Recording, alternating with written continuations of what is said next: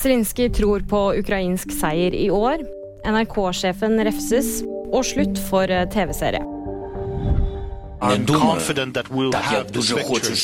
Det sier den ukrainske presidenten Vlodymyr Zelenskyj på en pressekonferanse. Fredag er det ett år siden Russlands invasjon av eh, landet. Zelenskyj sier at han tror på seier for Ukraina i år. Han slår fast at Ukraina har mange venner, og at om alle parter gjør sitt, så er seieren uunngåelig.